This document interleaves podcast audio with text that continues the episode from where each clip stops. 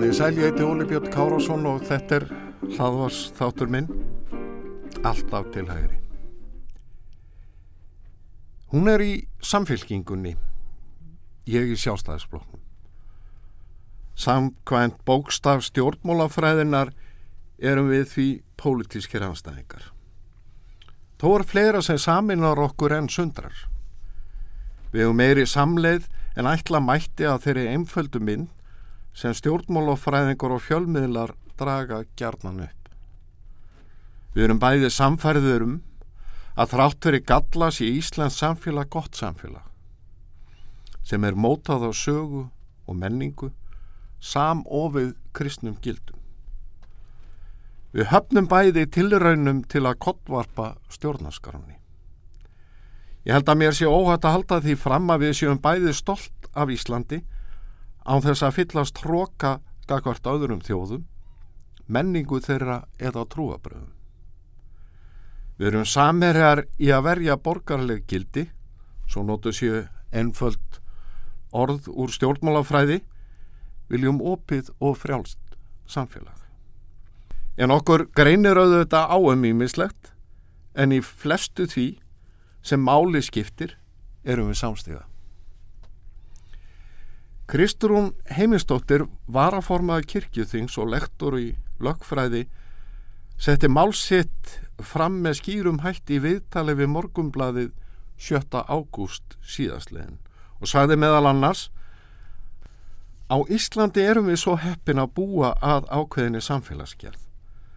Ég held að það skipti máli fyrir okkur að verja, venda og styðja það sem hefur mótað þessa samfélagsgerð og er ástæðan fyrir því að svo margir vilja koma og vera hér. Þar er hlutur kirkjunar geysilega stór. Þetta á ekki bara við um Ísland hendur Norðurlöndin öll. Allt það sem markar samfélagsgerðin á Norðurlöndum á sér sterkar kristnar rætur og áhrifin eru ómælt. Í Danmörku, Svíþjóð og víðar er verulega mikil umræða og umfjöllun um kristni og kirkju. Tilvittnum líkur. Kristrún hefur með gaggrínum hætti bent á hvernig búið sé að banna börnum aðgang að Jésu hér á Íslandi en öll mættu þau horfa á TikTok. Þannig hefði borgarstjórna meiri hlutin í Reykjavík ákveðið að setja stranga reglur um kirkjusók, grunnskólabarna og prestarnir upplifðu það eins og búið væri á loka þá. Með þessu hafi verið byggt undir þá skoðun að kirkju heimsóknir séu bannaðar með landslögum. Kristun segir orðir rétt, það var sagt að ekki mætti innræta börnum neitt. Ef við horfum í kringum okkur, þá er fjöldin allur af aðilun sem hafa frítt spil til að innræta börnum allt mögulegt. Spurningin sem stendur eftir, af hverju óskofunum mega börn ekki vita eitthvað um Jésu Krist? Af hverju er það svona hættulegt? Menn þurfa að svara þeirri spurningu. Við búum í samfélagi þar sem fólk notar nafn hans stanslust. Hvaða skinnsemi er í því að það sé nömið brott úr kennslu í skólum eða samfélaginu? Afleðingin er svo að mennskan á í mikillu vörð. Það er stór hluti af mennskunni að viðurkenna að eitthvað sé aðra manninum sjálfum. Ef maður hefur enga slíka hugmynd þá skapast andlegt tómarum, segir Kristrún í viðtalinu og bendir áhugð augljósa að guðfræðileg hugsun sé mótefni við vélurrenna hugsun nútímans. Orð Kristrúnar tóna ágætlega við pretikun herra Karl Sigurbjörnssonar biskups í Kópavóskirkju á gamlastag 2017. Hann varaði við afleðingum trúleisis. Huglegða þurfi hvað gerist ef Jésu Kristi er reynd út úr lífi einstaklinga og samfélags eins og veriðist keppi keppli svo margara sem ráða uppeldu og skoðanamyndun á Íslandi í dag. Karl myndi á að virkustu mann hattur smaskinur og drapsvélar allra tíma voru hinn guðlösu ríki 20. aldar, Sovjetríkin, Tískaland, nazismans og Kína.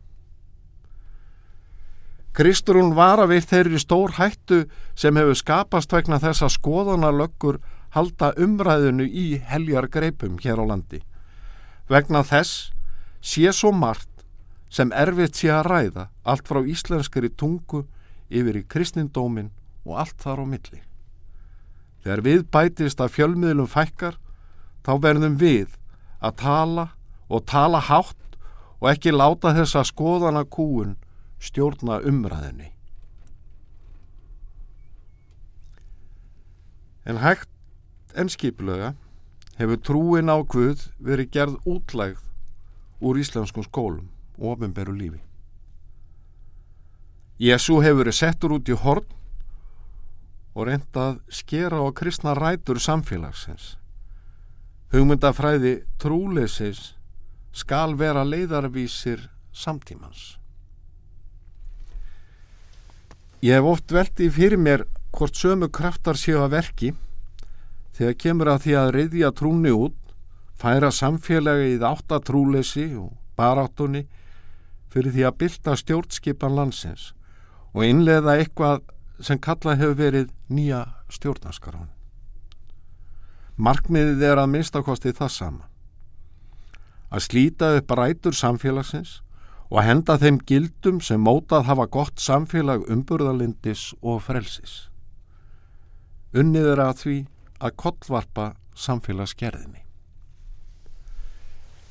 Kristúrun Heimistóttir hefur verið mjög gaggrinn á tilraunir til að umbylta stjórnarskránni og hafnar því að til sé eitthvað sem heitir nýja stjórnarskráin.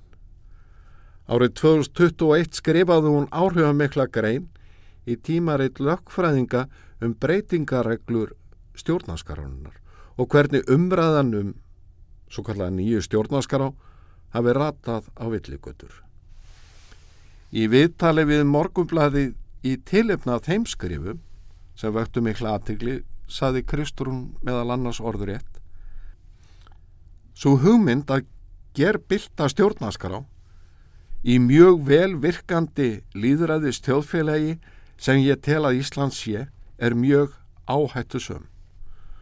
Hún getur ekki aðeins valdi upplaust í stjórnmálum, heldur hefur hún einni óheillamænleg áhrif á rétta ríkið sjálf, setur fordæmi í uppnám og eigðir fyrirsjáanleika sem samfélagi kvílir að miklu leita á. Tilraunum til að bylta stjórnarskráni var hrundið, þó ekki hafi allir gefið byltinguna upp á bátinn. Með svipuðum hættu og stjórnarskráin var varin, verður að taka til varna fyrir Kristinn Gildi og bjóða Jésu aftur velkomin í skóla landsins. Trúin og vonin eru tvíbarassistur. Í trúni fælst vonin, bjart sínin á framtíðina, vonin fóstarar trúna á hið góða. Samfélag ántrúar og vonar er samfélag sem hægt og bítandi missir sjónar á framtíðinni. Og það er rétt sem Kristrún saði í áðanemdu viðtali við morgumbladið í byrjun ágúst með því að virða okkar eigin sið og eigin arlið og okkar eigin rætur erum við miklu líkleri til að geta skilið hvernig aðri sem hér búa hugsa. Ég þakka þeim sem hlýttu. Eða góða stöður.